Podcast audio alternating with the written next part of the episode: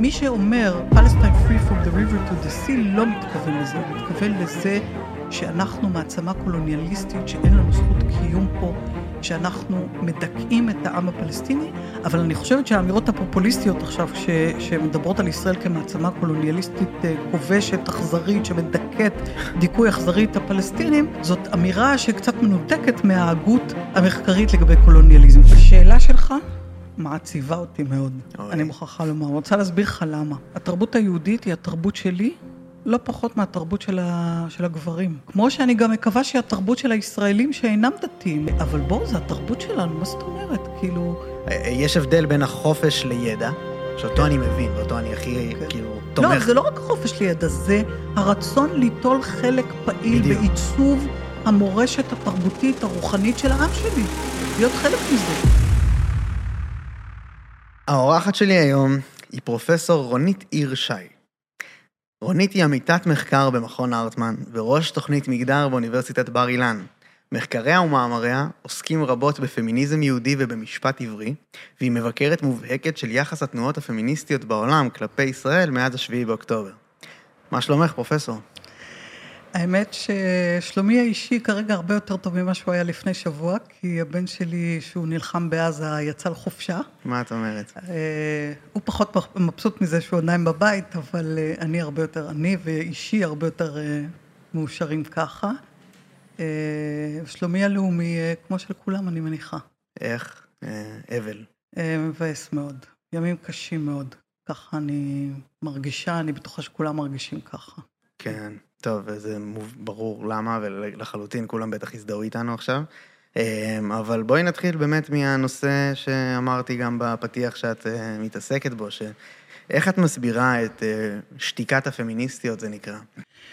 זאת שאלה קשה מאוד, שאתה יודע, עברו חודשיים וקצת מאז אה, פרוץ המלחמה, ואני חושבת שאנחנו עוד נצטרך להמשיך ולעסוק בעניין הזה. זה רק אה, מחשבות חדש... אה, מחשבות, סליחה, אה, ראשוניות כן. שיש לי לגבי העניין הזה. בעצם צריך לחלק את זה לשניים, אני חושבת. א', השתיקה המחפירה של ארגוני הנשים בעולם, בכלל זה ארגונים פמיניסטיים מובהקים, לגבי פשעי מין ופשעי מלחמה שבוצעו אה, בישראלים, בעיקר בנשים ישראליות, אה, שזה דבר ראשון. והדבר השני זה הצידוד הכמעט אה, חד צדדי לחלוטין אה, בחמאס, אה, וב... ש... שמצטייר כביכול כתנועה, לש... כת... כתנועה שמייצגת את המאבק הלאומי של, ה... של העם הפל... הפלסטיני. כן. אה, ובאיזשהו אופן גורף, אה, ההוגות הפמיניסטיות, אה, ארגונים פמיניסטיים, אה, כולם אה, חברו יחד אה, אה, כנגד ישראל בעניין הזה. יש קשר בין הדברים לפי דעתי, אני חושבת שהקשר הראשוני הוא ההידרדרות שאליה הגיעה החשיבה הפוסט-קולוניאלית. אה, כן. ו- וזה עוד דורש אה, מחקר, ו- ו- וצריך עוד לחשוב על זה הרבה, איך קרה שהגענו לכך שישראל נתפסת כקולוניאליסט, כמעצמה קולוניאליסטית אה, מדכאת ואכזרית, מ- מבלי בכלל ש- שהארגונים הללו, ההוגות וההוגים, יבחנו את הדברים אה, אה, לאשורם. התיאוריות הפוסט-קולוניאליות, בעיקרון הן תיאוריות חשוב, ביקורתיות חשובות מאוד, זה לא שאני זורקת אותן לפח עכשיו. הן תיאוריות חשובות מאוד שניסו להסביר אה, אה, עד כמה הקולוניאליזם המערבי על, אה, על אה, מדינות אה, אה, או על המזרח בגדול אה, היה הרסני ויש לקולוניאליזם בכלל כל מיני משמעויות, אבל פוסט-קולוניאליזם זו תנועה אה, אה, הגותית ש, שמבקרת את הקולוניאליזם על, על מגוון אה, מופעיו, בוא נאמר כך. אמירות כמו אה, עליכם לרצוח את הקולוניאליסטים. אז אני, אני לא יודעת לומר לך אם זאת ההתחלה, אה, נגיד, התיאוריות הפוסט-קולוניאליות יותר מופיעות הרבה יותר מאוחר, בשנות הבנתי. ה-70, בראשית שנות ה-70, אבל אתה, אתה מכוון נגיד לאמירה של פרנץ פנון, שעד שהיליד אלג'יראי לא ירצח איזה אה, קולוניאליסט צרפתי, הוא בעצם לא יוכל להשתחרר כן. אה, מהעול, מהעול המדכא שלו. אז כמובן שאמירות אה, כאלה כבר נשמעות בשנים מוקדמות יותר, אבל אני חושבת שה... אה, נגיד הסימן הראשון לכתיבה מסודרת ושיטתית על, פוסט, על, על קולוניאליזם, ביקורתית על קולוניאליזם, מתחילה עם ספרו של אדוארד סעיד בשנות, בראשית שנות ה-70, הספר המפורסם שלו אוריינטליזם, שבעצם מדבר על, ה, על האופן שבו המערב התנשא על המזרח, והמילה אוריינטליזם הפכה מאוריינט, המזרח, בפשטות, ל... מטבע לשון של התנשאות של המערב על המזרח. אדוארד סעיד אמר, מה שהגבר הוא לאישה, המערב הוא למזרח. אה, ובאמת בעקבות, בעקבות ספרו אוריינטליזם התפתח אה, ענף שלם של לימודי מגדר ומזרח תיכון, אה, ואחר כך משם הרבה כתיבה פוסט-קולוניאלית, גם של הוגות מהודו, והרבה מאוד נשים יש פה שני עניינים. אחד זה הטעות לגבי האם אנחנו קולוניאליסטים כן או לא, נכון? כן. שזה את אומרת גם שיש פה איזושהי הסתכלות שאת אומרת שהיא לא נכונה. שצריך לבחון אותה טיפה יותר לעומק, ולמה מתכוונים כשאומרים שאנחנו קולוניאליסטים, כי לקולוניאליזם יש הרבה מאוד uh, משמעויות, לפחות בספרות המחקר. אבל אני חושבת שהאמירות הפופוליסטיות עכשיו, ש, שמדברות על ישראל כמעצמה קולוניאליסטית uh, כובשת, אכזרית, שמדכאת דיכוי אכזרי את הפלסטינים, uh, uh, זאת אמירה שקצת מנותקת מההגות המחקרית לגבי קולוניאליזם, כי בדרך כלל כשאומרים קולוניאליזם, וכאמור יש לזה לפחות ארבע, חמש משמעויות, בדרך כלל מדברים על איזושהי מעצמת אם, ששולחת אה, שלוחות, אה, כוחות, אה, את, אה, אה, לעבר איזושהי קולוניה, לעבר איזושהי מדינה, מנסה או להשתלט על אוצרות הטבע שלה, או פשוט לגור שם, מה שנקרא סטלר קולוניאליזם. קולוניאליזם התיישבותי, ופשוט אה, וואו. לכבוש אותה, כן. אז זה למשל ברור שזה לא נכון לגבי המקרה הציוני. זה ברור? אני לא, אני לא משוכנע. אתה לא משוכנע? כי ש... לא הייתה מעצמת אם. איזה מעצמת אם שלחה אותנו? היהודים היו מפוזרים נכון, בגלות היהוד... בכל מיני אבל מקומות. אבל יש משפט של ביידן בשנות ה-70, שהוא אומר, אם לא היה אה, מדינה, מדינת ישראל במזרח התיכון, היינו צריכים להמציא אחת אחרת. כאילו, אנחנו באיזשהו מקום שלוחה שמשמרת את האינטרס האמריקאי, או שאני טועה. יכול להיות שאני טועה. לא, אבל זה, זה ברור שלא ארצות הברית שלחה את התנועה הציונית להתיישב בארץ ישראל, חד נכון? משמעית, ברור. זה, זה ברור. אז לא הייתה פה מעצמת אם ששלחה אה, אה, לפלסטינה, מה שנקרא. אז אה, זה גם די ברור שנדמה לי, לפחות לי זה די ברור, שזאת לא ארץ זרה לנו. כן? כן. זה גם נדמה לי די ברור, ושתהיה על זה, על זה הסכמה נרחבת בציבור הישראלי. אה, שזו מולדתנו ההיסטורית ויש לנו זיקה עמוקה למקום הזה. אה, אבל יותר מזה, כש, כשהיום הסטודנטים בהרווארד, יל, פרינסטון, לא משנה איפה, צועקים Palestine free from the river to the sea, בטענה שהיא בעצם מובלעת בתוך זה ההנחה שישראל היא מעצמה קולוניאליסטית כן. שכבשה ארץ לא לה, אין לנו זכות קיום פה בכלל, בעצם אין לנו זכות להגדרה עצמית. בעצם המשפט הזה אומר שהקולוניאליזם כביכול שלנו מתייחס לא לכיבוש של 67, שזה, זאת סוגיה שאני לא רוצה בכלל להיכנס אליה כרגע, ברור, כן. אלא ל-48, mm-hmm. כן? מבלי להתייחס לזיקה העמוקה שלנו למקום הזה, לזה שאנחנו לא נשלחנו על ידי, אה, אין לנו איזה מדינת אם ששלחה אותנו, מבלי להתייחס לזה גם שהיו פה ילידים יהודיים, זה לא רק שהפלסטינים אה, היו ילידים פה, אולי היו יותר, אבל... בקיצור, הרבה מאוד מהמאפיינים ש, שבספרות מתייחסים אליהם כקולוניאליזם לא מתקיימים פה לגבי 48, אני לא מדברת ל-67. יכול להיות שיש כאלה שיטענו שאנחנו מדינה שיש לה מאפיינים קולוניאליסטיים, זה סיפור אחר. מי שאומר Palestine free from the river to the sea לא מתכוון לזה, הוא מתכוון לזה שאנחנו מעצמה קולוניאליסטית, שאין לנו זכות קיום פה, שאנחנו מדכאים את העם הפלסטיני מבלי להתייחס בכלל לכל העובדות שציינת עכשיו ולעוד עובדות כן. אחרות, שאני חושבת שהאוניברסיטאות המערביות היום, הציידגייסט, אה, כן, רוח, הרוח התרבותית השלטת באמת אה, טבועה בביקורת הפוסט-קולוניאלית, זאת אומרת, בכך שדיכוי של דיכוי קולוניאליסטי על ילידים הוא לא משהו שמתקבל על הדעת יותר. אנחנו יכולים לראות עם השנים איך התיאוריה הפוסט-קולוניאלית, איך היא לאט לאט אה, אה, המערב אה, מרגיש, מתחיל לפתח רגשות אשמה נוראיים על הקולוניאליזם שלו עצמו כן. בכל מיני ארצות, ודאי גם בארצות הברית. אה, זה מצד אחד, ומצד שני, מתלווה לזה הפוליטיקה של ההכרה. זאת אומרת, הדרישה של קבוצות אתניות להכרה אה, בהם, וכשמה מה המטרה של הפוליטיקה הזאת של ההכרה?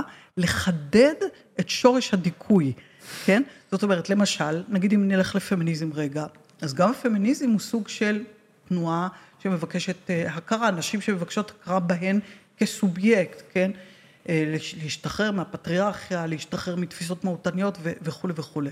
אבל אז בשנות ה-80 וה-90 מתפתחות תיאוריות חדשות שנקראות אינטרסקשונליטי, או בעברית תרגמו את זה להצטלבויות מיקומי שוליים. זאת אומרת, זה כבר לא מספיק להגיד שאת אישה. בשביל להבין את הדיכוי שאת סובלת ממנו, זה לא מספיק להגיד שאת אישה. את צריכה להגיד גם האם את אישה שחורה או לבנה. כי אם את לבנה את פריבילגית, ואם את שחורה, הדיכוי שלך יותר חזק. עכשיו, זה גם לא מספיק להגיד שאת אישה שחורה. נגיד אם את אישה שחורה לסבית, אז הדיכוי שלך הוא עוד יותר עמוק. ואחר כך מתפתחות התיאוריות הקוויריות, אפרופו כן. באטלר בשנות התשעים, כן? שזה בעצם קריאה רדיקלית לחירות ודרישה מה... מ, מ, מהשיח המגדרי להפסיק למשטר את המין, כן? כן? שזה שוב לנסות לפורר עד כמה שאפשר את הדיכוי, את שורשי הדיכוי. אז יש לנו מצד אחד מערב שהולך וטובע בתוך, טובע ברגשות אשמה שהתיאוריות הפוסט-קולוניאליות אה, אה, מטילות עליו, ומצד שני אה, הפוליטיקה של ההכרה והדרישה לחדד את שורשי הדיכוי וה... ולדייק את הזהות של כל אחד ואחת ולשחרר אותה מצמתים של דיכוי. כשאתה, כששני הדברים האלה מתלכדים ביחד, אני חושבת שזה קצת מסביר את מה שאנחנו עדים לו עכשיו, מבלי שבכלל אפשר לדבר על עובדות, כן? בדיוק. או על אמת. אני, כן. הנקודה שבה, אה, אני לגמרי, כאילו, היה מרתק לשמוע את מה שתיארת. פשוט יש פה תוצאה עם מלאה בסתירות. ואיך את זה אנשים לא רואים, כמו המקרה של Queers for Palestine. כן. זה כאילו, זה פשוט ניגוד מוחלט. Queers for Palestine, אחד הבנים שלי אה, אמר לי שהוא ראה, נדמה לי בטוויטר, אה, תמונה ש Queers for Palestine זה כמו chickens ל Kentucky Fried Chickens, כן? בדיוק. זה, זה, זה באמת אבסורד, תבואו, תיכנסו לעזה ותראו מה יקרה לכם. ברור, כן. עכשיו זה לא רק לקוויר, כן, לא רק לציבור הקווירי, אלא גם לנשים. מה, נשים ברור, לא, כן. אם, אם, אם עלייתו של החמאס לא סובלות מדיכוי, מיותר דיכוי, כן. זה ברור שכן, אבל איכשהו ארגוני זכויות האדם וארגוני נשים בפרט, כן. כאילו, מעלימות עין מהדבר הזה. למה זה קורה? בגלל שהשיח קודם לעובדות. תראה, זה, זה מאוד דומה למה שקרה לנו בשביעי לאוקטובר. הקונספציה, שזה אה. סוג השיח שהיינו מוטמעים בו, נכון? שאם ניתן יותר כסף לחמאס ויהיו יותר עבודות, ו... אז יהיה יותר שקט, כן? ואנשים אה, אה, פחות אה, נתנו משקל לאידיאולוגיה ולשנאה נגד ישראל. אה, אה, אז, אה, אז שיח זה, זה סוג של קונספציה, אוקיי? כן. זה סוג של, כן, רוח התקופה, הציידגייסט, מה שמוביל אה, אה, את האווירה התרבותית, ו, ודרך הפריזמה של השיח אנחנו מפרשים את העובדות, לא, לא דרך שום דבר אחר. זה תמיד ככה, דרך אגב, נכון? לכל אחד יש איזה פילטרים בראש יש, שדרכם, כן. אני מבין, רק פשוט יש כן בסוף אמת. כן. יש עניין שהוא, האם, איך האמת נבחנת, ופה הם פשוט אומרים אמירות שנוגדות את האמת. האמת היא שקווירס או פלסטיין זה לא ייתכן. נכון. והאמת היא שכאילו, את יודעת, מלא נושאים של כל, כל מיני מגדר בהקשר הזה, שגם מבלבל נורא, ופשוט, זה השאלה שלי, איך הגענו לנקודה שהאמת כל כך אה, שבירה? שהשיח הפרלימינרי הזה, כן, מה, ש, מה שקוראים ב, ב, בתפיסה הפוסט-מודרנית, הפרה-דיסקורסיבי, כן, מה שקודם לשיח, אה, אה, משתל... זאת אומרת, הוא הפריזמה שדרכה אנחנו מתבוננים על המציאות, אז הפרשנות של העובדות נעשית, אה, נעשית דרכם. ותראה, לזה, לזה בדיוק אבל קראתי עצלנות מוסרית. מה זה עצלנות מוסרית? זה שבעצם הוגת דעות כמו באטלר למשל, שבכלל בכלל לא התעצלה לבקר את השיח המגדרי ואת האופן שבו הוא ממשטר את המין הביולוגי. והיא אמרה, רגע אחד, בואו נשים לב איך לא המין מבנה את המגדר, אלא המגדר מבנה את המין, ובואו נשים לב עד כמה זה לא מאפשר חופש במקום הזה. ואני חושבת שזה היה מהלך מבריק, אני חושבת שזה טוב שיהיה יותר חופש במקום הזה. אה, אה, ובמשטור המיני והמגדרי כאחד. אבל את אותו מהלך של ביקורתיות על השיח הזה שדרכו אנחנו מסתכלים על המין או אה, על המציאות או על העובדות אם תרצה, את אותו מהלך ביקורתי היא ודומותיה וכל, ה, וכל אלה שמאשימים את ישראל במה שהם מאשימים כרגע, מתעצלים לעשות לגבי השיח הפוסט-קולוניאלי. האם באמת נכון שמדינת ישראל היא קולוניאליסטית במובנים שדיברנו עליהם? האם באמת נכון שחמאס לא אנסו? האם זה באמת נכון? הרי יש שיח שלם שאומר, הם בכלל לא אנסו, זה לא יכול להיות שהם אנסו, זה נוגד את האסלאם, זה... אבל הם צילמו את זה בעצמם, אבל לא, זה לא יכול לא, להיות. לא, וגם ממתי צריך להוכיח בכלל, בשיח של אה, נשים ואונס, כאילו, היינו על התחככויות במשרד, מכניסים אנשים לכלא, וכאילו, Believe Women היה האשטג, והיום זה נשכח, נזרק מהחלון. כן, אז, אז אה, זה מראה לנו עד כמה זה מסוכן, שאנחנו לא מוכנים לבקר את התפיסות הפרלימינריות שדרכן אנחנו תופסים את המציאות, את ה, כאילו את הפרדיספוזיציות שלנו, את ההנחות המקדמיות שלנו, שדרכן אנחנו אה, מסתכלים ומפענחים את, ה, ומפענחים את העובדות. עכשיו, תמיד תהיה אי הסכמה על העובדות. זאת אומרת, אי אפשר להגיד, זאת עובדה, נקודה. אי אפשר? זה אי אפשר, בגלל ש... בסדר, אפשר נגיד אה, לומר, יש פה כן. מצלמה. עכשיו, אבל מה המשמעות של זה שיש פה מצלמה, או שיש פה מיקרופון? אתה תפרש את זה באופן אחד, מישהו אחר יפרש את זה באופן אחר. אלה אולי דוגמאות אה, בנאליות, כן? לא, אלה דוגמאות... אבל, אה, אבל אני אתן דוגמה אחרת. אתה רואה בן אדם מחזיק סכין ביד ועומד לחתוך למישהו את הגוף. בסדר? אפרופו הקונטקסט ש, שנשיאות אה, הרווארד ופן אה, אה, דיברו עליו. אם זה יהיה בקונטקסט של חדר ניתוח, זה ברור שזה זה יהיה בסדר בדרך כלל. אם זה יהיה בקונטקסט אחר של רצח, או שאנחנו מבינים שהולך להיות פה רצח, ברור שזה אחרת. זאת אומרת, אנחנו תמיד מפרשים את העובדות, העובדות הן לא גולם כזה שאפשר להתייחס אליו ככה. בואו תגידו, הרי גם מי שלא מוכן לקבל שהיה אונס, לא אומר, סליחה, גם מי ש...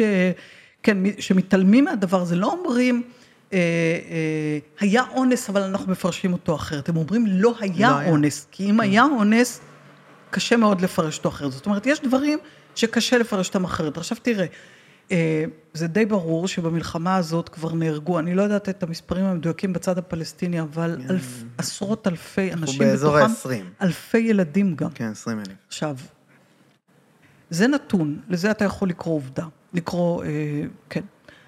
אבל אה, יש כאלה שיגידו, הנה, זו עובדה שאתם עושים genocide. ובטלר האשים אותנו ב genocide. אבל בוא נשאל את באטלר רגע אחד, בואי, איזה אלטרנטיבה את, אה, את מציעה פה בדיוק? מה, מה בדיוק היינו צריכים לעשות אחרי הטבח הנוראי שהחמאס ביצע אה, בשביעי, בשביעי לאוקטובר? לא להיכנס, לא לנסות לפרק אותו מהתשתיות שלו. מה לעשות עם זה שהוא משתמש באנשים חיים כ-human shields? מה, מה לעשות עם, ה, עם הדבר הזה? אז, אז פה אני מרגישה שיש עצלנות. באמת עצלנות. כן. זאת אומרת שאותם אנשים שמטיחים לנו את הביקורת, בואו, תציעו, תציעו אלטרנטיבה, ואל תגידו לנו עכשיו בואו תעשו משא ומתן לשלום עם החמאס, כי זה די ברור שזה כן. הזיה להגיד את הדבר הזה. אז, אה, אז אה, הסיפור הזה של עובדות זה נכון, זה ברור, אבל לדעתי זה ברור שאנחנו תמיד מפרשים את העובדות דרך פריזמות מסוימות, זה הדבר שהכי חשוב לי להגיד, שאנחנו מפרשים את העובדות דרך פריזמות מסוימות, העניין הוא שאנחנו אה, לא מוכנים הרבה מאוד פעמים לבקר את הפריזמות של עצמנו, שדרכם אנחנו מפרשים את העובדות. התפיסות הפוסט-קולוניאליות, או אלה שמאשימים אותנו עכשיו ברצח עם, לא מוכנות לבקר את הפרדיספוזיציות האלה שדרכם הם מסתכלים על המציאות ומבקרים אותנו, ו, אה, ואחרים לא מוכנים אה, לבקר פרדיספוזיציות אחרות, כמו שאנחנו אה, לא ביקרנו את הפרדיספוזיציה של, שהחמאס מורתע. כן. וששקט יענה בשקט, או הכסף אה, יסדר את העניינים, או, או דברים מהסוג הזה. כולנו לוקים ב... בהנחות מוקדמות שמשליכות על האופן שבו אנחנו מפרשים את העובדות. השאלה אם אנחנו מוכנים להיות ביקורתיים עד הסוף ולהגיד, כמו שביקרנו את השיח הזה, אנחנו כן. גם נבקר את השיח הזה. באטלר מוכנה לבקר את השיח המגדרי, היא לא מוכנה לבקר את השיח הפוסט-קולוניאלי בזיקה שלו למה שקורה בישראל. אוקיי, מעניין בטירוף. רק משהו אחד שאני לא הבנתי האם את אומרת כן או לא. אז כאילו יש את, אה, את המונח אפריורי של קאנט, שהוא בעצם אומר, יש, ברור שאין אמת אחת כאילו בהקשר מוסרי, אבל צריך להתנהג כאילו יש אחת. חברה מתוקנת שמה איזושהי אה, אמת על החוקי מוסר שלה, והם משמשים כמו שזה מחשב. כדי שלא יהיה את הפרשנות, כי אני לא יכול לעשות כל דבר ברחוב הרי. ואני חושב שחמאס חצו את זה ברמות היסטריות, וזה ברור מי רע, כאילו. האם זה מה שאת אומרת או שלא? לא, לא. השאלה, השאלה של המוסר היא שאלה אחרת, השאלה של נורמות מוסריות היא שאלה אחרת. אה, האם הוא מוסר מוחלט, האם אה, אנחנו עדים לרלטיביזם, האם אנחנו אה, דוגלים ברלטיביזם מוסרי, אלה שאלות אחרות. דרך אגב, קאנט, מה שהוא כן אומר, זה שאנחנו אף פעם לא יכולים להבין את התופעה כפי שהיא באמת, מפני שהקטגוריות שדרכם אנחנו מסתכלים על המציאות בעצם מתווכים לנו אותה. ולכן אנחנו אה, אף פעם לא יכולים להכיר את הדבר כשהוא לעצמו, אלא רק את התופעה שלו. אה, אלא שהוא חשב שהקטגוריות האלה שדרכם אנחנו מתבוננים במציאות, הן קט- קטגוריות שמשותפות אה, לכלל בני אדם. אז שהנה כבר אצלו אנחנו רואים את התפיסה שהתפיסות המקדמיות שיש לנו, הקטגוריות שדרכם אנחנו עובדים, משפיעות על האופן שבו אנחנו מבינים ברור, את המציאות. אה, אבל רק שזה אה, הלך והתפתח במאה ה-20 לאופנים הרבה הרבה יותר אה, ביקורתיים. אני לא חושבת שמה שהעולם אומר זה שמלחמה היא אסורה תמיד, או ש... נראה לי זה ההסתכלות הבורה המערבית מדי, כאילו.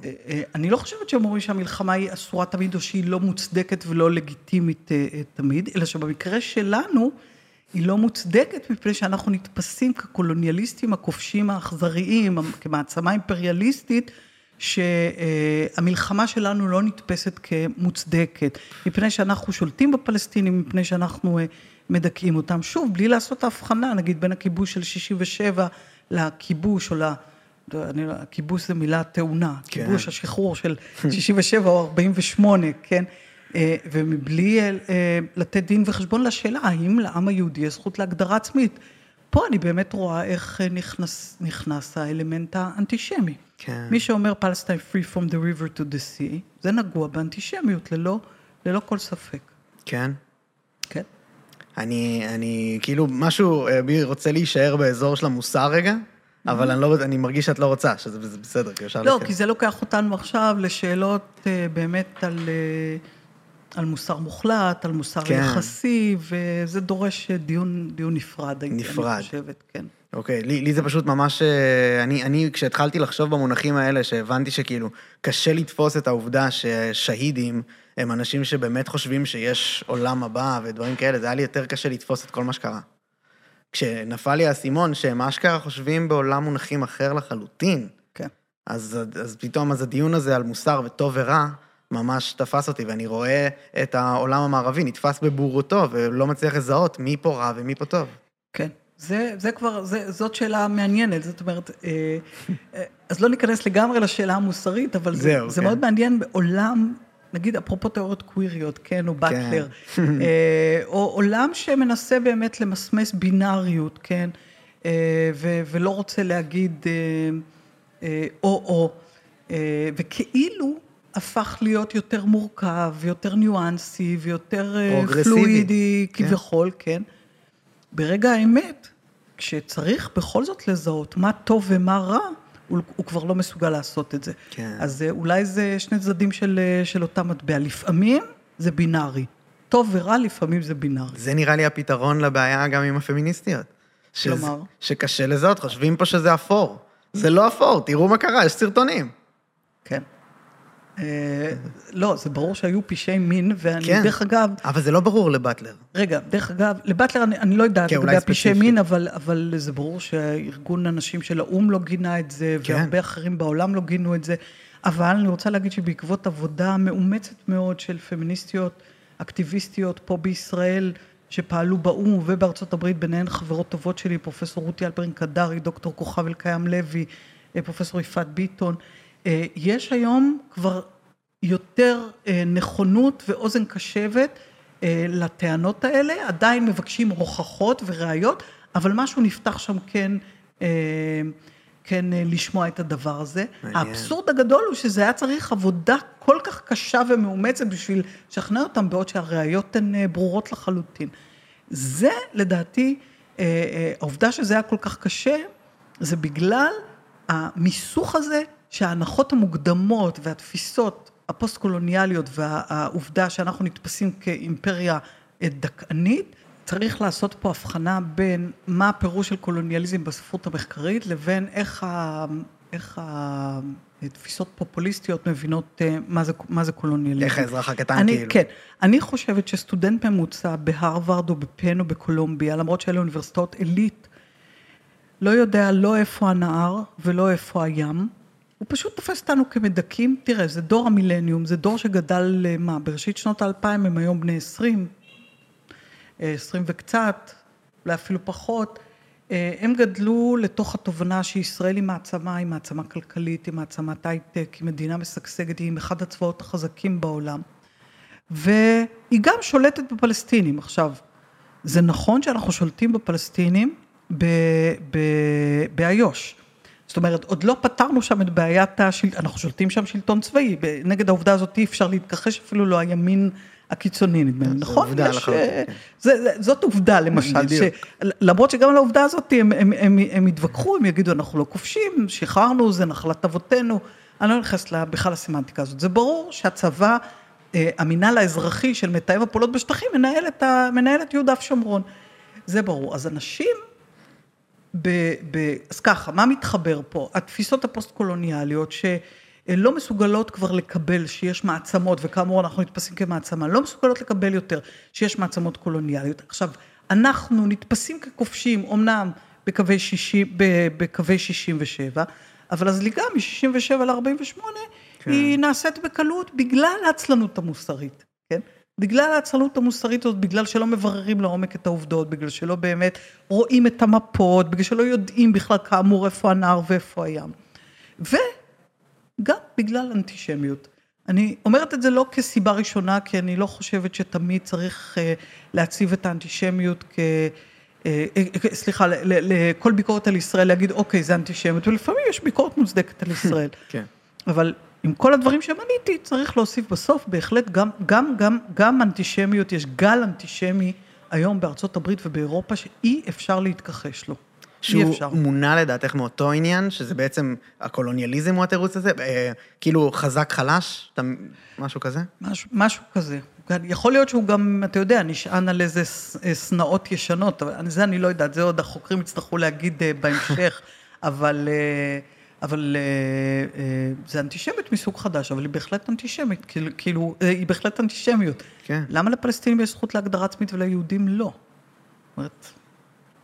אם ליהודים אין זכות להגדרה עצמית, זה אנטישמיות. ומי שאומר בין הים לנהר, אומר שאין לנו זכות להגדרה עצמית, בעצם. הוא אומר אבל רק בטענה, לפי מה שאני שומע, שזה בטענה קולוניאליסטית באמת אה, כמעט נטו. זאת אומרת, העניין הוא לא שאנחנו לא רוצים שיהיה ליהודים מדינה בכלל, אלא פשוט התיישבתם על פלסטינאים, ומה אתם רוצים לעשות איתם, כאילו. אז אה, איפה נשב? באריזונה? ב... לא יודעת. איפה? זאת אומרת, מתכחשים לחלוטין לזיקה ההיסטורית שלנו, mm. למקום הזה, זאת אומרת, מה, אני לא מצליחה להבין את, את הטיעון הזה בכלל. מה, מה הטיעון שלך? מה הטיעון שלי? זאת נחלת אבותיי ואימותיי. ואני חושבת שהפלסטינים היו צריכים לקבל את תוכנית החלוקה והם לא קיבלו אותה. ואת אין ספור הצעות הפשרה שהם קיבלו במהלך, ש, שהוצאו במהלך השנים והם לא קיבלו. הם המשיחיים האמיתיים, אנחנו היינו הפרגמטיסטים. אני מקווה שהם יתפכחו, ושאני מקווה שאנחנו נמשיך לנסות לחתור לשלום ונציע פתרונות פרגמטיים, אם יש כאלה עדיין, אני מקווה שיש, אבל uh, יש פה uh, משיחיות חזקה מצד, ה, מצד ההנהגה הפלסטינית לדורותיה. יש כמובן גם משיחיות בצד היהודי, אבל אנחנו קיבלנו את תוכנית החלוקה, בנינו כאן אה, מדינה כן. משגשגת ומפוארת. גם המשיחיות היהודית לא נכנסת לכפרים ואונסת נשים, וכאילו, נכון, שורפת. היא לא אונסת, זה נכון. היא, היא עושה היא דברים, לצערי, ב- כן. בש, בשנים, בגיבוי הממשלה הנוכחית, אה, עושה דברים מאוד בעייתיים ולא ראויים בעיניי. נכון. בכל זה אני זאת, אומרת כציונית דתית. כן, ברור, ברור. אני כן, אבל עם זאת, עם הביקורת, אני חושב שזה לא באותו רמה.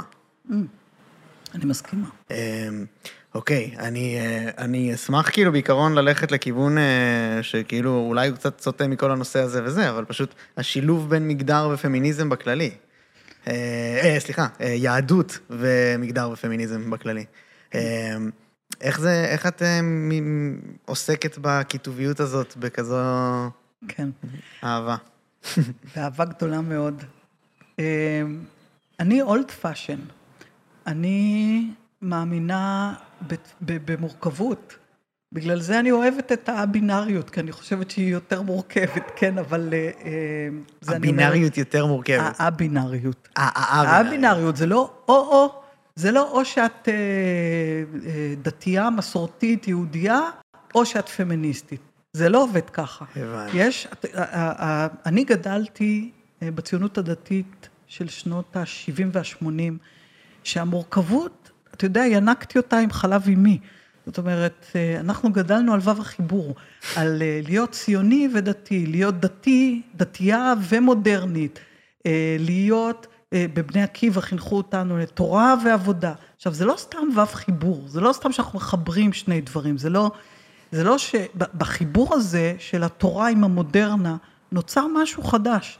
גם לגבי האופן שבו אנחנו מבינים את התורה, וגם לגבי האופן שבו אנחנו מבינים את המודרנה.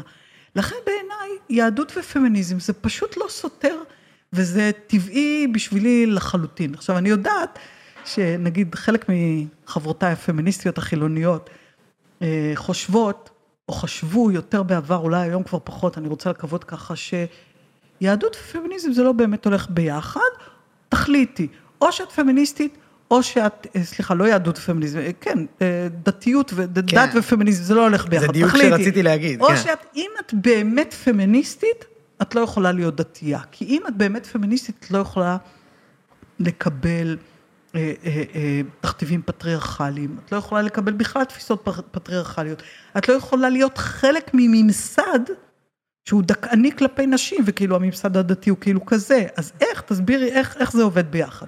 מצד שני, בעולם הדתי גם אומרים את זה, זה נורא מעניין, בעולם הדתי השמרני, אני מתכוונת עכשיו, גם אומרים, תחליטי, או שאת דתייה באמת, או שאת פמיניסטית. כי אם את דתייה באמת, אז את צריכה להקשיב לצו האל, למצוות התורה, להלכה, ולפעמים זה סותר את הדרישות הפמיניסטיות. אז אם את פמיניסטית, את לא באמת דתייה. את דתייה lite, את כל מיני כינויי גנאי כאלה, אתה מבין? כן. עכשיו, אני חושבת שאלה פונדמנטליסטים ואלה פונדמנטליסטים. ו, אה, ואני גם רוצה להגיד לך שהפמיניזם הדתי, שהיא תנועה בתוך העולם הדתי, האורתודוקסי מודרני, הציוני דתי, אה, שהיא תנועה של 50 שנה בערך, אולי קצת יותר, כן? אבל לא הרבה יותר, היא אחת מתנועות התחייה החשובות ביותר של העם היהודי בדורות האחרונים. ממש. אה, אולי תנועת התחייה החשובה ביותר, מפני שהיא מציבה בפני הממסד הדתי, בפני ההלכה, בפני המסורת היהודית אתגרים שמחייבים אותה לחשוב מחדש. לחשוב מחדש על הקונספציות, לחשוב מחדש, מחדש על יחסי המגדר, לחשוב מחדש על איך, איך יוצרים הלכה. הרי ההלכה מתחדשת כל הזמן. כן, מי שאומר שההלכה לא משתנה, זה סוג של אמירות אה, יותר אידיאולוגיות בשביל לחנך, אבל זה לא באמת אמת, כן? זה ברור שההלכה כל הזמן מתחדשת, היא כל הזמן מתפתחת, פשוט מאוד מפני שהמציאות כל הזמן מתחדשת ומתפתחת, וההלכה במהלך כל הדורות המציאה את עצמה מחדש לאור המציאות המתחדשת. זה ברור לחלוטין לכל מי שמבין משהו בעולם ההלכה. יש, ליובל נוח הררי יש משפט, שאם אה, דוד המלך היה נכנס למאה שערים היום, הוא היה בשוק. נכון, לגמרי, כן. נכון, נכון. אז, אה, אז, אז קודם כל אני רוצה להגיד את זה, מה שקורה היום בציבור הציוני-דתי, הליברלי והשמרני כאחד, ואפילו בחרד"לי, כן, אני מחלקת עכשיו את הציונות הדתית לשלושה סקטורים, נגיד הליברלי, השמרני והחרד"לי. בשלושת הסקטורים האלה יש שינויים דרמטיים, דרמטיים במעמד האישה, יש שינויים דרמטיים בתפיסות הלכתיות. אה, אני יכולה אה, אה, לשרטט כמה וכמה מה, מהשינויים האלה. בוא נגיד שכמובן בציבור הדתי הליברלי יותר השינויים גדולים יותר, ובחרד"לי אולי פחות, אבל בכולם, בכולם הפמיניזם הדתי משפיע. אני אתן רק דוגמה אחת, למרות ש... אולי כמה דוגמאות, למרות שזה חוצה, חוצה את כל תחומי החיים ממש.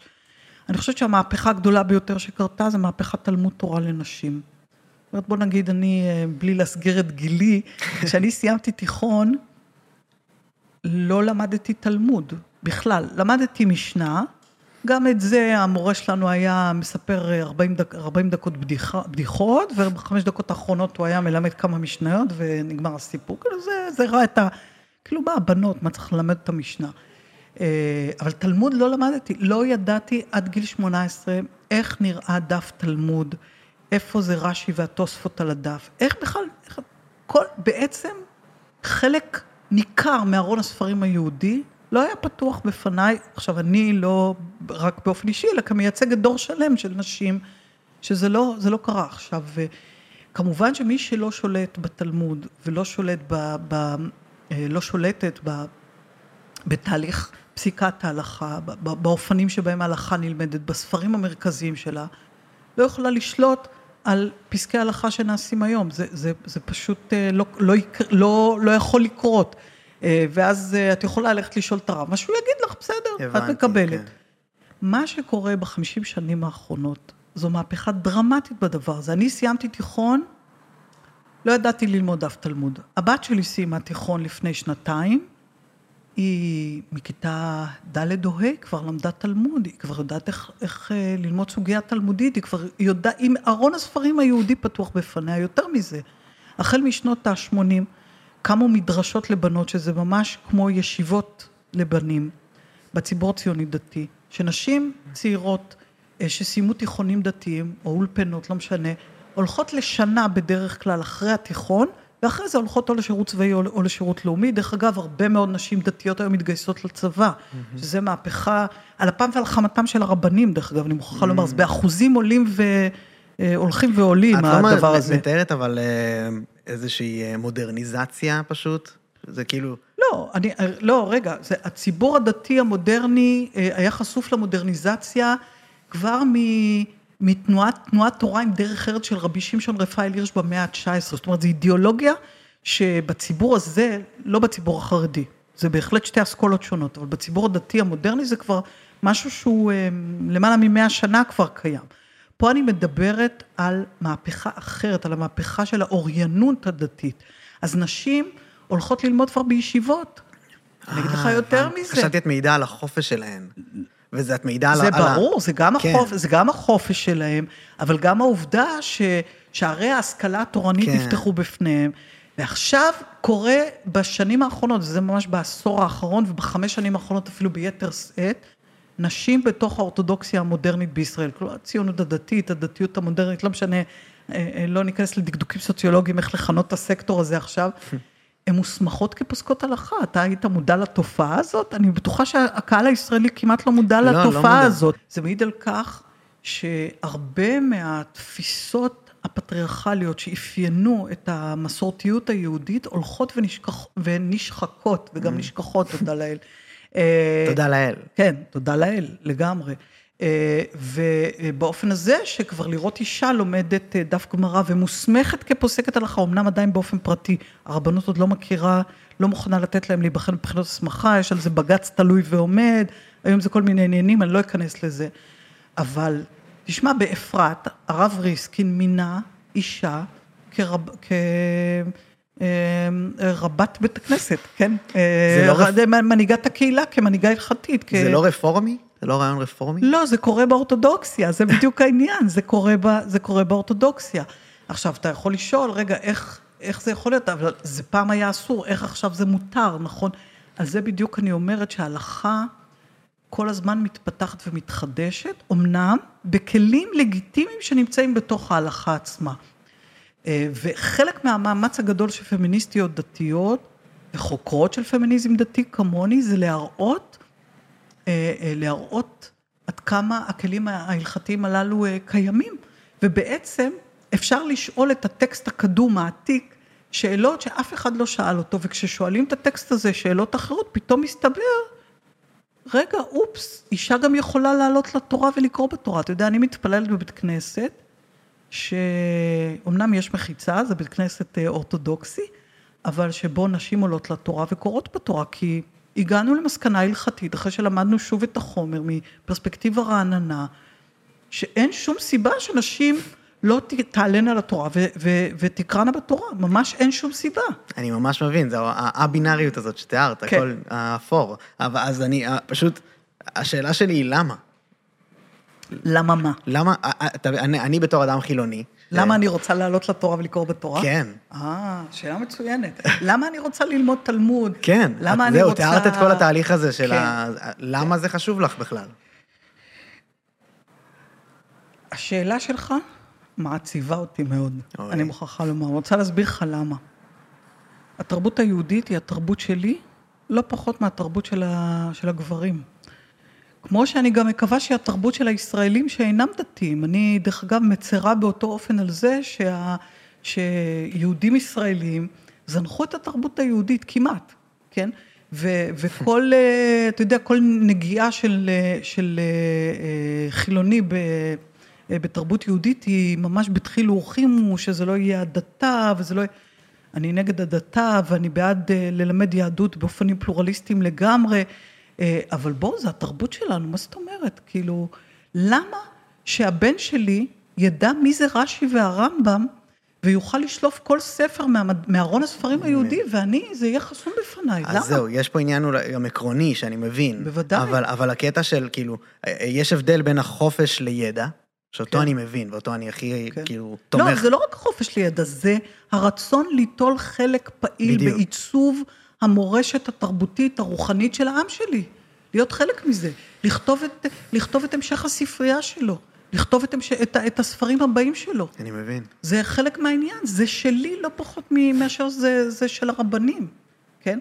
ובתוך העיסוק הזה אני גם רוצה להראות אה, איך אפשר לייצר גישות הלכתיות, פלורליסטיות יותר, מקלות יותר, בכלים הלכתיים מקובלים, לא, כן.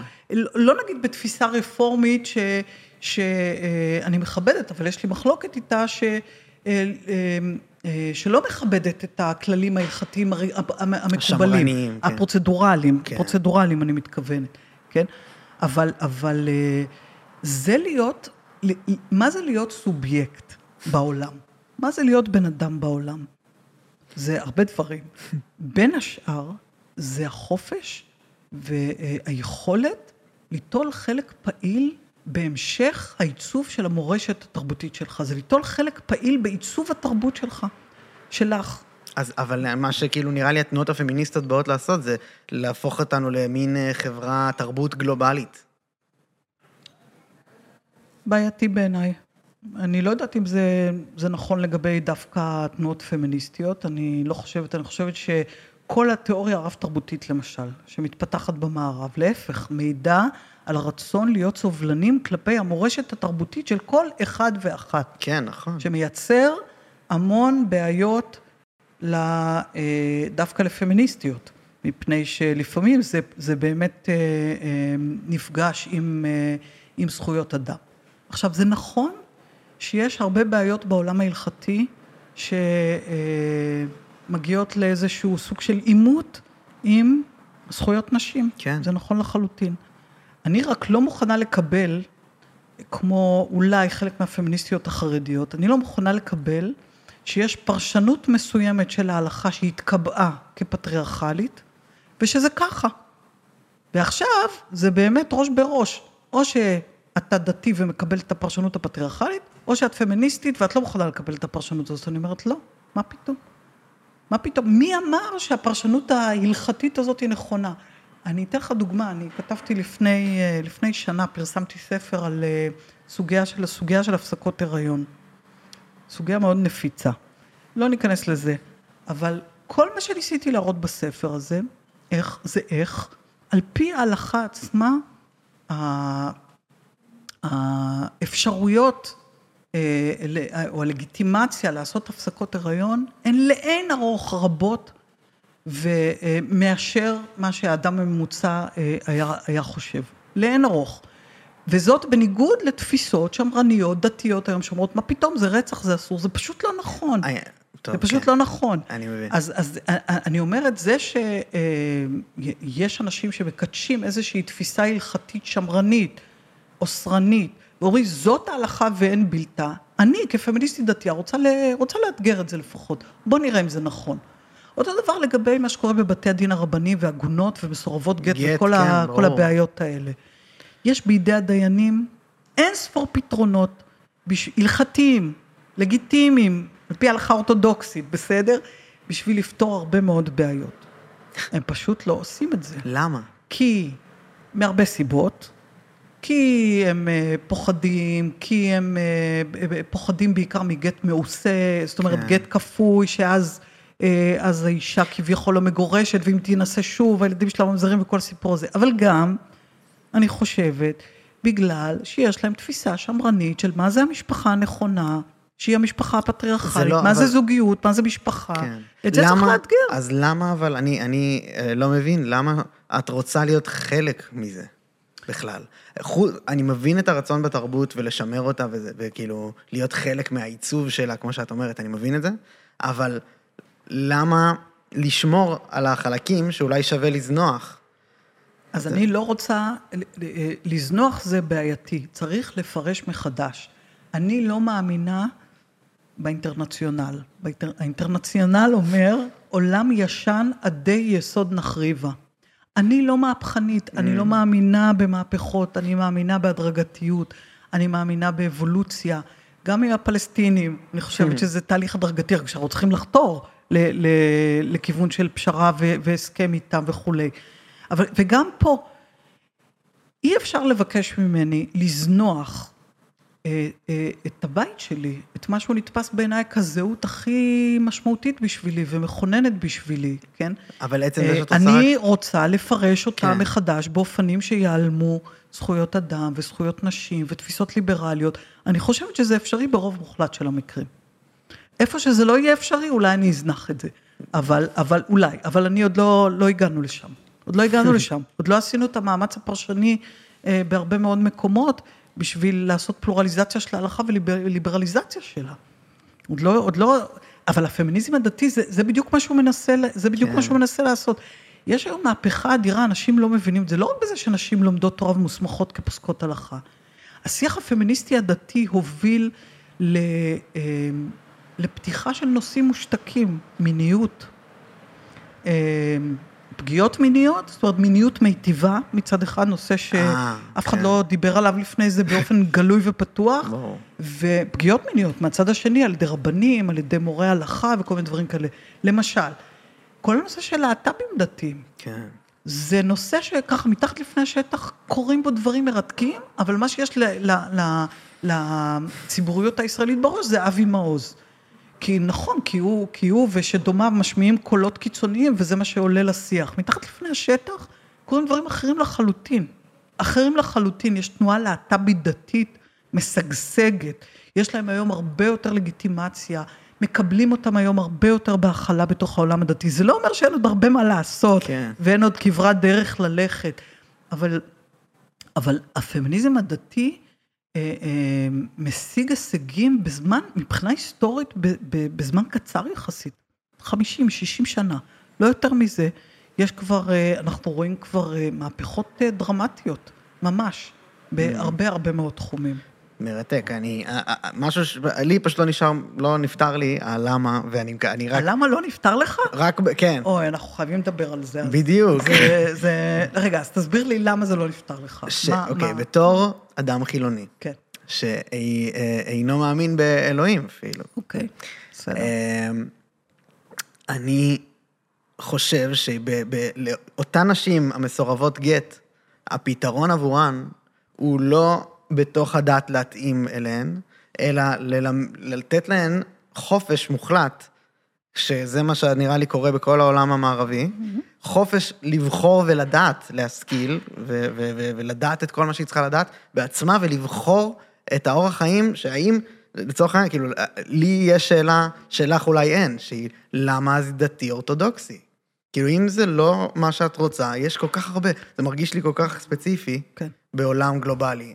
כן. או שאני כאילו... אז, אז אתה שואל פה שתי שאלות. א', אה, למה, אה, למה להישאר, אה, אה, אה, אה, אה, האם יש חופש בחירה? למי שחי בעולם דתי, האם יש לו חופש בחירה? זו שאלה כן. ראשונה. שאלה שנייה, למה ספציפית באורתודוקסיה? הרי יש עוד תנועות, יש עוד תנועות... כן, תהיי רפורמית, כן. לי זה פחות... אוקיי. כן. אני אנסה לענות על זה. אה, אז ככה, לגבי חופש הבחירה, זה טעות לחשוב שאין חופש בחירה. זה ברור שיש חופש בחירה אה, לכל בן אדם דתי, אם להישאר דתי או לא להישאר דתי. אה, כל עוד הוא לא יודע, אבל שיש אופציות אחרות. אני מכיר, יש לי במשפחה כמה כן. חוזרים ב- אה, בשאלה, בשאלה. שהיו במשפחה חרדית ויצאו, וכאילו זה, האבא אף חזר בתשובה.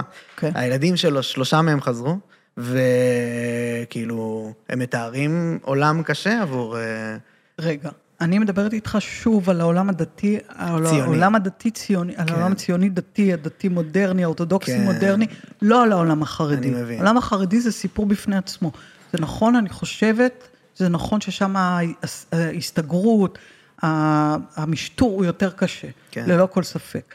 אבל בעולם הציוני דתי, הבנתי. בעולם הדתי מודרני, יש גישה לידע באופן יש שווה? גישה, יש גישה מוחלטת לידע, אנשים לומדים, אנשים משכילים, אנשים עובדים במקצועות חופשיים. הבנתי. זה, תראה תנועת החזרה בשאלה, מה, מה, הסטטיסטיקות אומרות שבין 20 ל-25 אחוז מהציבור הדתי-לאומי חוזרים בשאלה, או נמצאים על הרצף, בסדר? כן, אוקיי, אז זה פרט, ברור, פרט אז- חשוב שלא לא היה לי עד ההבחנה. בוודאי, כן. בוודאי. עכשיו, תראה, לגבי נישואים וגירושים באופן ספציפי, אני מזכירה לך שבמדינת ישראל החוק החילוני, החוק האזרחי, כן?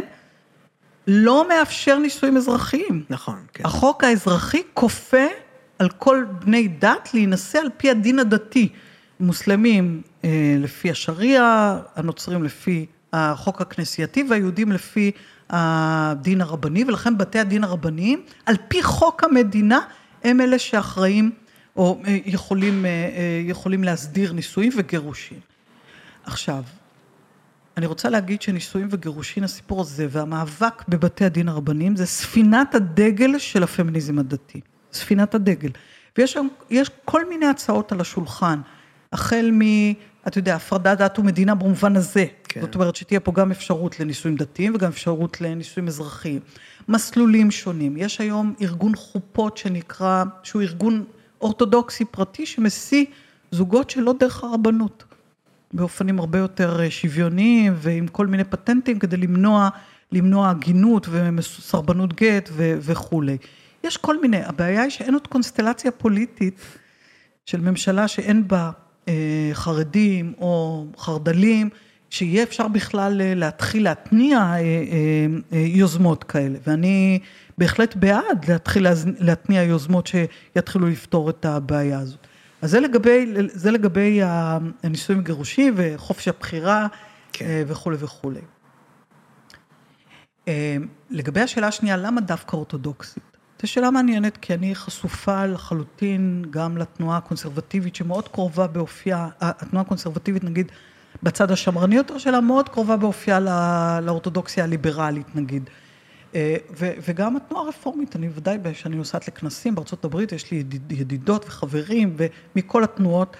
אה, אני מרגישה שיש משהו באורתודוקסיה, בדבקות שלה, במחויבות ההלכתית שלה, שמאפשר אה, או שגורם לשמירה הרבה הרבה יותר עמוקה של התרבות היהודית. אבל אז מישהו, התרבות היהודית הדתית, אני מתכוון. מישהו עכשיו יכול לטעון שהתרבות היהודית הדתית האורתודוקסית היא לא, היא לא כוללת זכויות נשים, וצריך כאילו לשמור אותה ככה. למה לשנות אותה במקום לזוז למשהו יותר... לא, רגע, רגע. כשאני, כשאני לומדת את הרמב"ם ואת רש"י וזה, זה ברור לי שהרמב"ם כותב דברים לפעמים איומים לגבי נשים, בדיוק. ודברים, דברים, לפעמים דברים נהדרים, אבל הוא גם כותב הרבה דברים אחרים נורא מעניינים, כן? אז לזרוק את כל זה לפח? לא, את יכולה ללמוד זה- את זה לא כ... כ... לא, בסדר, אז אני, אני, אני לומדת את זה ואני שומרת את זה. אני, מה זה שומרת את זה? אני לומדת את זה, זה חלק מהמורשת התרבותית שלי. במה שקשור ליצירת הלכה עכשווית ולאופנים שבו, שבהם היא עשויה להשפיע על חיי, כן. שם אני בהחלט אעשה עבודה רצינית מאוד בשביל לדאוג שההלכה הזאת תהיה מוסרית, תהיה ליברלית, לא תסתור זכויות נשים. שם, שם יהיה עיקר העבודה, אבל לזרוק לפח את כל המסורת היהודית, בגלל זה בשום פנים ואופן לא. האמריקאים יזרקו לפח עכשיו את כל ההיסטוריה שלהם רק בגלל שהיה שם דיכוי שחורים וקולוניאליזם ואני לא, אם, אם אנחנו נתחיל לנתץ את כל הפסלים הללו, כמטאפורה אני אומרת עכשיו, שלושת רבעי מהתרבות האנושית תיעלם, אז מה, אולי, אולי גם את שייקספיר נזרוק לפח. לא, אני לא אומר אבל מה כאילו, ללמוד, אני אומר, אני חושב שב...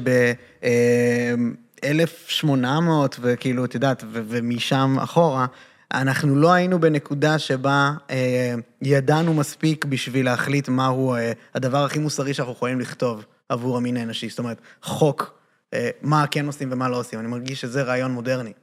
כאילו, ולחשוב שלפני 500 שנה היה להם משהו שהם יכולים לדעת שהיום אנחנו לא, מרגיש לי כאילו לא, לא אפשרי. אתה יודע איזה גאון היה הרמב"ם? אני יודע, כן. אתה יודע איזה גאון היה הרמב"ם? לזרוק את הרמב"ם לפח. לא, אבל אני לא אומר לזרוק בשום פנים. לא, אז אני לא... אז... אני אומר לא לחיות כמו הרמב"ם. מי היה... חי כמו הרמב"ם? מי חי כמו הרמב"ם היום? אפילו אה, החרדים לא חיים כמו הרמב"ם. הבנתי. מה, מי חי כמו הרמב"ם? הם... אני, אני עושה הבחנה, לכן עשיתי את ההבחנה. זה, אלה אוצרות התרבות שלנו. יש בהם דברים בעייתיים, ויש בהם הרבה מאוד דברים, יש שם, יש שם אוצרות תרבות מפעימים. בתובנות המוסריות שלהם, בתובנות התרבותיות, האתיות, הליריות, בהמון בהמון מובנים. במה שקשור לאיך תיראה ההלכה היום, זה כבר סיפור אחר, אנחנו נעשה אינטרפרטציה מחודשת של, ה, של, ה, של הדברים הללו, אבל כשאנחנו עושים אינטרפרטציה מחודשת, אנחנו מאשררים את הזיקה העמוקה שלנו למקורות הללו ולדמויות, ולדמויות המופת הללו.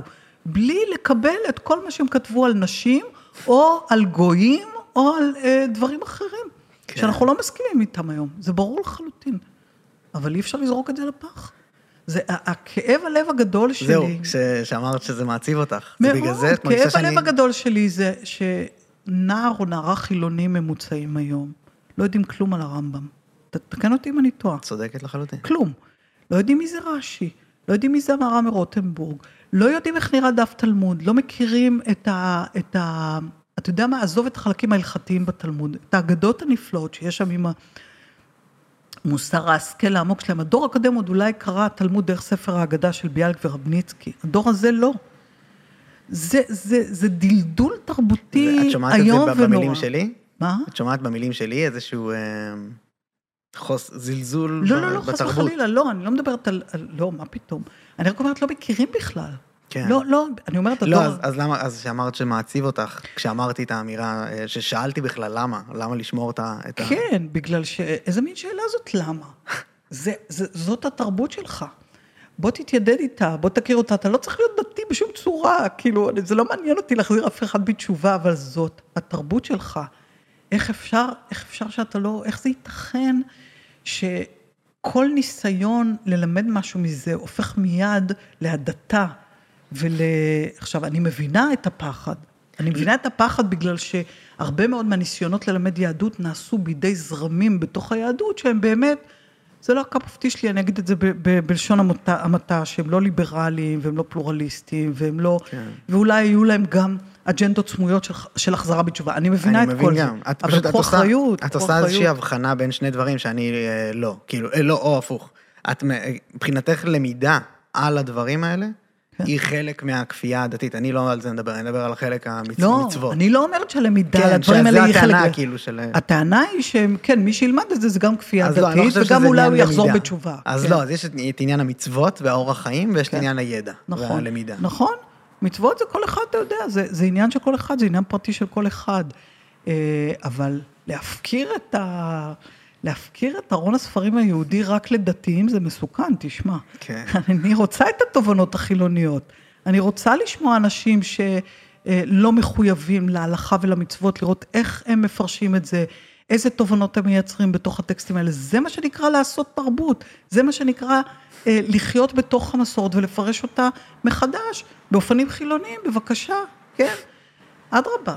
להפך, אני חושבת שהיהדות רק תרוויח מזה, ואני מרגישה שהתרבות שלנו נעשית ענייה ומדולדלת, אם אנחנו אה, אה, לא, לא מרימים את הכפפה הזאת. נקבל, זה בסדר, כן. בסדר גמור. אחוז. טוב, אז אה, אנחנו כאן נסיים. היה לי אה, מרתק, ממש, וממש תודה שהגעת להתארח. תודה רבה לך. גם לי היה מעניין מאוד אה, לשמוע את השאלות ולהבין מתוכם אה, מה אני לא מבינה. כן, בשביל זה אנחנו עושים את זה, זה כן, מעולה, גם מאה אני. אחוז. תודה רבה שוב, ותודה למי בשמחה. שהאזין וצפה. נתראה פעמים הבאות. תודה רבה לך.